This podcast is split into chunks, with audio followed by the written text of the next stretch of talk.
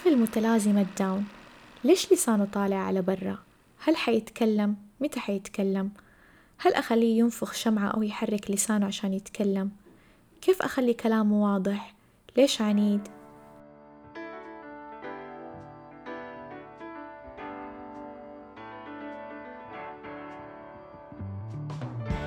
أنا بسمة حميد أهلا بيكم في بودكاست مظلة بودكاست أناقش فيه مواضيع متعلقة باضطرابات التواصل مشاكل النطق واللغة بالإضافة لمواضيع عن التنشئة اللغوية الصحيحة.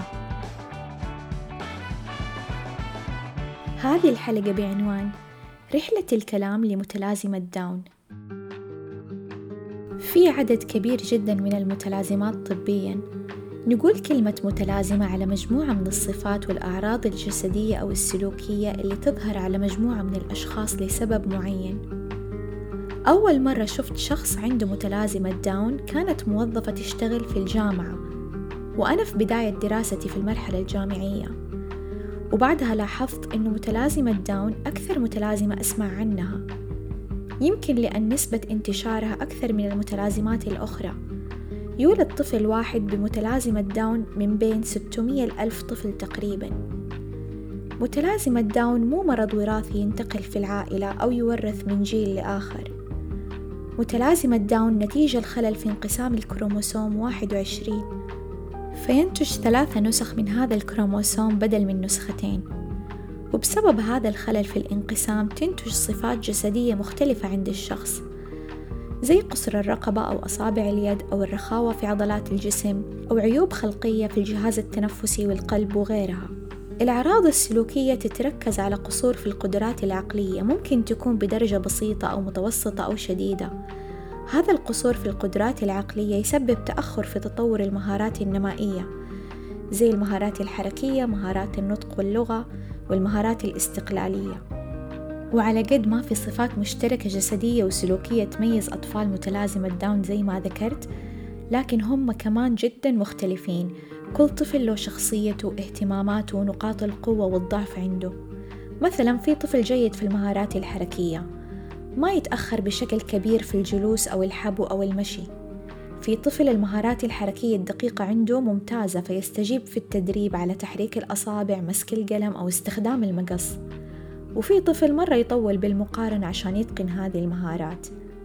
حبيت أذكر هذه المعلومة عشان لما نقول متأخر لا يعني إنه جميع المهارات متأخرة بنفس الدرجة أو جميع الأطفال زي بعض ويستجيبوا للتدخل التأهيلي بنفس الدرجة. حاخذكم في هذه الحلقة في رحلة بسيطة عن مهارات النطق واللغة الأطفال متلازمة داون أتمنى تسمعوا معلومة تجاوب على تساؤلاتكم. أو تنبهكم لنقطة مهمة كنتوا غافلين عنها أو مو فاهمينها. مهارات النطق واللغة من المهارات اللي دايما يستمر طفل متلازم الداون باحتياج دعم ومساعدة فيها. فالكلام عملية معقدة ترتبط بالفهم القدرات العقلية والإدراكية وتتطلب دقة عالية. قبل ما أبدأ أتكلم عن مهارات التواصل في السنوات الأولى حب أنبه على معلومتين جدا مهمة.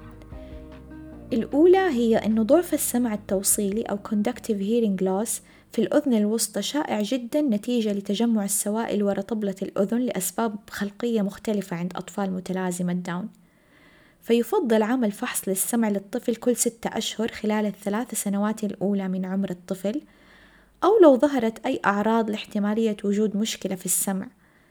فمثلا إذا كان الطفل دايما متضايق أو يبكي بدون سبب واضح أو يوجد ارتفاع في درجة الحرارة. نبغى نتأكد من سلامة السمع لأنه مرتبط بتطور اللغة ونحرص جدا على أن الطفل يحصل على التحفيز اللغوي من سماع الأصوات الكلمات والانتباه لها من عمر صغير. النقطة الثانية هي أنه يلاحظ عند ولادة الطفل من قبل كثير من الأهالي أنه لسان الطفل كبير وطالع برا الفم.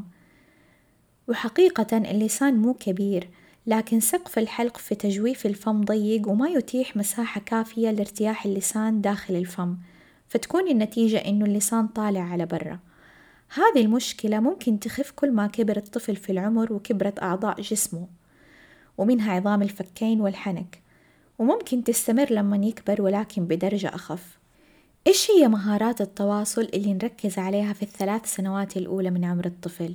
نركز في الأشهر الأولى على التواصل البصري والانتباه التواصل البصري والانتباه يعني الطفل إنه الطفل ينظر للأشياء والأشخاص عنده رغبة في الاستكشاف ينتبه لما يسمع أصوات ويظهر ردة فعل واستجابة للآخرين لما يتكلموا معاه بضحك أو ابتسامة أو مناغاة إيش ممكن نسوي مع الطفل؟ نتعامل معاه زي أي طفل عادي فنتكلم معاه نناغي نضحك نعطيه ألعاب مناسبة لعمره عشان يطالع فيها ويمسكها ويستكشفها. وإذا كانت مهارات الطفل الحركية ما تساعد إنه يمسك الأشياء بنفسه ممكن إحنا نمسك الأشياء ونخليها في المجال البصري للطفل عشان يشوفها. بعض الأطفال يكون عندهم تأخر في تطور مهارات التواصل وبعضهم تكون جدا طبيعية. وإذا الأم عندها أطفال سابقين ممكن ما تحس بفرق خلال الأشهر الأولى من عمر الطفل فيما يتعلق بالتواصل البصري والاستجابة عند التفاعل مع الطفل. هذه المهارات جدا مهمة وتعتبر حجر الأساس لتطور مهارات اللغة لاحقا. بالإضافة لمهارات التواصل عندنا مهارة الفهم أو اللغة الاستقبالية. مهارة الفهم أو اللغة الاستقبالية عند أطفال متلازمة داون أفضل بكثير من مهارة اللغة التعبيرية. فنركز من بداية السنة الأولى للطفل على إنه يفهم الكلمات اللي في بيئته في روتينه اليومي بجميع أنواعها. ونستخدم كل المسميات من أفعال أسماء صفات حروف جر ظروف مكان. وما نقول لا هو لسه صغير ما يفهم. ممكن ما نحس بأهمية الفهم والطفل جدا صغير أو لسه ما يتكلم. بس لما يكبر الطفل وإذا بدأ يتكلم كل ما كان يفهم أكثر حتكون عنده استعدادية إنه يتكلم أكثر ويقدر يشارك في محادثة أو يجاوب على سؤال لأنه فاهم اللغة. تمر مواقف كثير زي لما تقول لطفل وين حتنام؟ ويجاوب في الليل. في هذا المثال الطفل مو فاهم السؤال.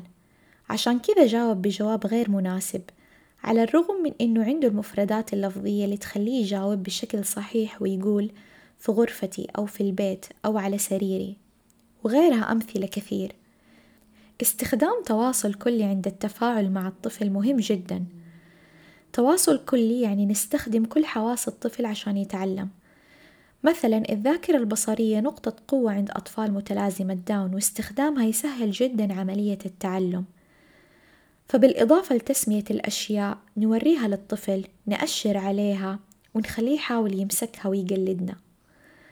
يوجد أبحاث كثيرة جدا اتعملت على أمهات وأطفال متلازمة داون من ثقافات مختلفة وكلها تدعم إنه استخدام الإشارة تحديدا مع الطفل سواء الإشارة بالإصبع أو التمثيل باليد زي لما نمثل بيدنا إننا ناكل يساعد الطفل على الفهم والتعبير وزيادة عدد المفردات المكتسبة.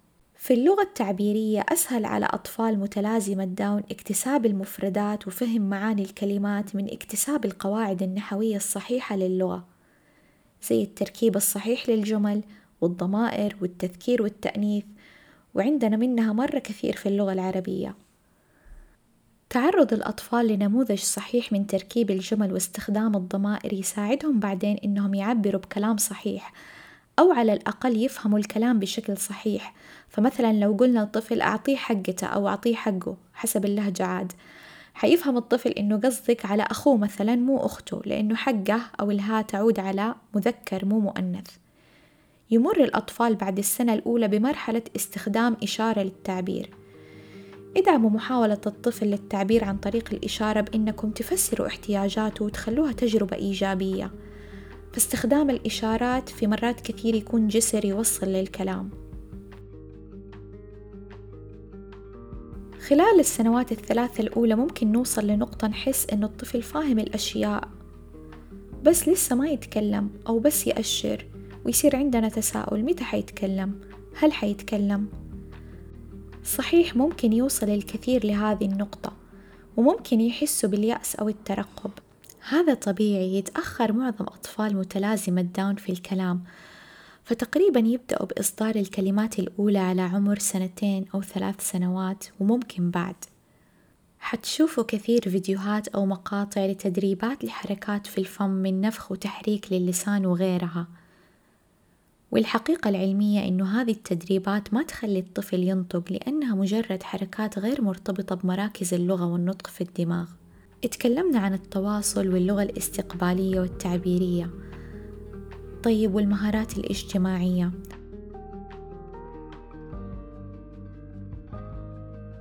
لما شخص يقول متلازمة داون على طول ترتبط فيها كلمة اجتماعيين. صحيح أطفال متلازمة داون عندهم حب ورغبة للتواصل مع الآخرين وتكوين علاقات وصداقات مع أقرانهم. لكن هذا لا يعني أن مهاراتهم الاجتماعية سليمة. يواجه أطفال متلازمة داون صعوبة في اكتساب المهارات الاجتماعية الأكثر تعقيدا زي فهم الكلام اللي يحتمل أكثر من معنى أو التشبيهات والمفاهيم المجردة زي مثلا مفهوم الدين. مثال تاني لو سمع الطفل عبارة سهل زي الموية في محادثة ممكن يواجه صعوبة في فهم إيش العلاقة بين السهولة وبين الموية. مهم جدا دعم تعلم المهارات الاجتماعية المعقدة وعدم إهمالها بحجة إنه أطفال متلازمة داون عندهم مهارات اجتماعية جيدة.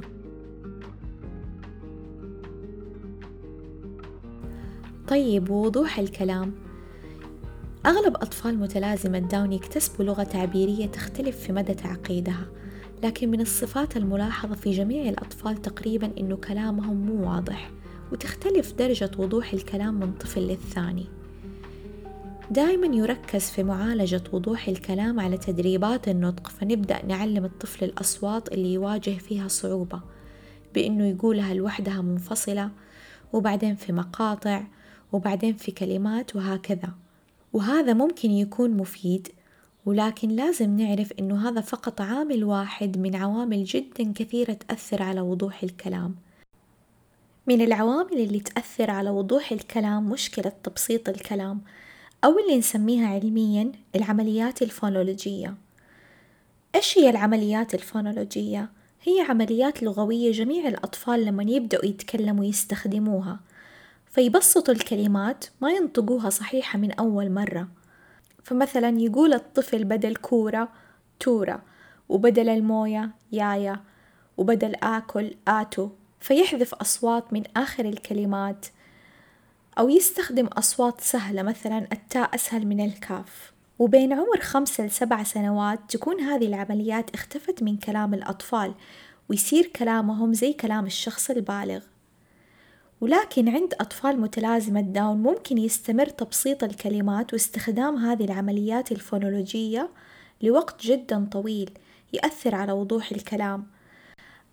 عامل ثاني كمان مهم يأثر على وضوح الكلام هو ال cluttering أو الكلام السريع اللي الشخص ممكن يحذف فيه بعض الأصوات من الكلمات ويكون عنده صعوبة في إنه يقول أصوات الكلمات بطريقة متتابعة بسهولة وطلاقة مع إعطاء كل صوت حقه في النطق فيكون عنده صعوبة في ال coarticulation وبالعامية نقول الطفل يبلع الأصوات من الكلمات. لما نصير ما نفرق بداية الكلمة من نهايتها مع السرعة في الكلام. تصل نسبة حدوث ال cluttering في كلام أطفال متلازمة داون من عشرة لخمسة وأربعين في المية. فممكن الطفل يقول الكلمة لوحدها واضحة ومفهومة لكن إذا قالها في جملة أو محادثة تصير غير مفهومة أبدا والكلام غير واضح. علو الصوت كمان عامل مهم.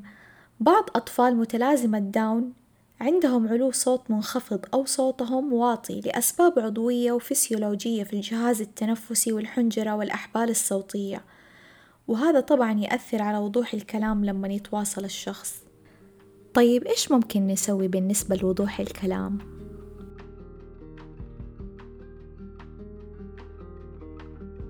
استخدام وسائل التواصل المساندة والبديلة يفيد أطفال متلازمة داون ويدعم وضوح الكلام وإيصال الرسالة في حال ما أسعفتهم مهاراتهم اللغوية في بعض المواقف زي الصور أو الإشارات التعبيرية أو الوصفية.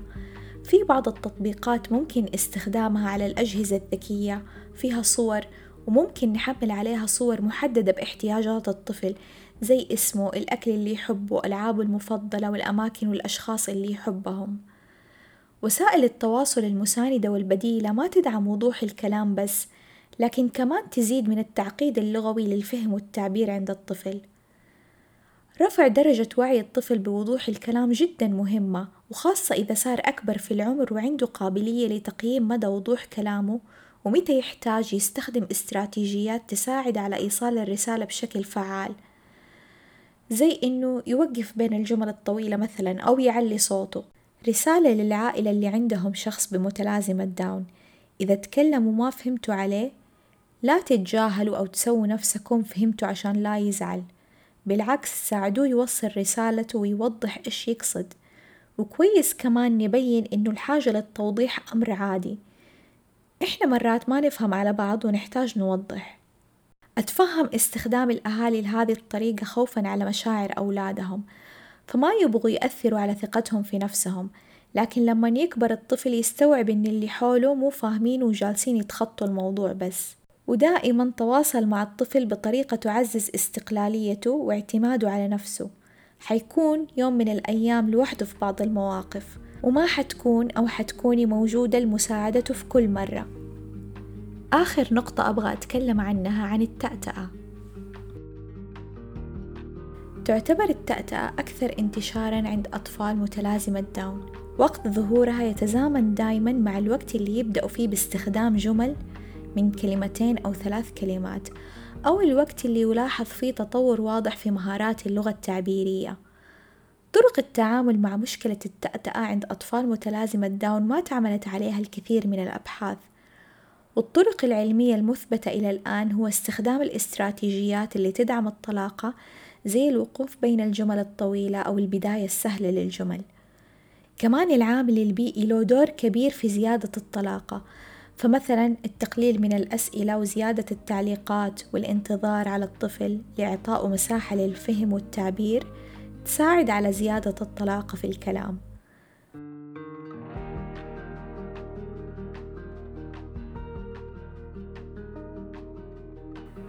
في كثير مفاهيم مرتبطة بمتلازمة داون بس حبيت أنوه على العناد والسلوكيات الغير مقبولة لأن مهارات التواصل واللغة للطفل على الأغلب عامل مرة مؤثر في هذه السلوكيات.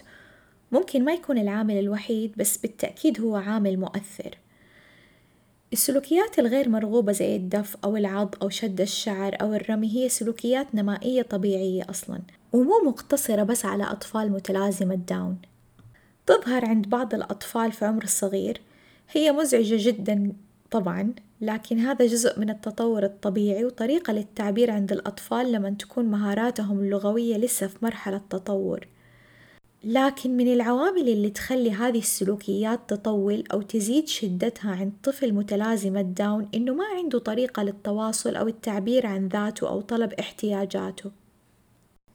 جزء من الحل التركيز على تطوير مهارات التواصل للطفل وإذا كان الطفل لسه ما يعبر بطريقة لفظية ممكن نستخدم طرق تواصل بديلة زي استخدام الصور أو الإشارة زي ما ذكرت سابقا. هذه الطريقة تقلل بشكل كبير من الإحباط اللي يحس فيه الطفل لأنه مو قادر يوصل المشاعر أو الرسالة للأشخاص. وما يمنع طبعا من استشارة أخصائي تعديل سلوك للمساعدة. لكل أفراد مجتمعنا متلازمة داون مو مرض وراثي متلازمة داون مو اختيار فإذا ما قدرنا نكون مصدر لطف ودعم لأي شخص كبير أو صغير عنده متلازمة داون أو لعائلة عندهم طفل بمتلازمة داون فلن نكون مصدر إيذاء بكلمة أو حتى بنظرة. يوم عالمي لمتلازمة داون سعيد عليكم جميعاً. لا تنسوا تعملوا subscribe للبودكاست وتشاركوا الحلقة مع اللي تعرفوهم. حلقات البودكاست متوفرة على SoundCloud Apple Podcast و Google Podcast إذا عندكم أي اقتراحات أو استفسارات تواصلوا معايا عبر حسابي في تويتر أو إنستغرام أو الإيميل الموجود في صفحة البودكاست.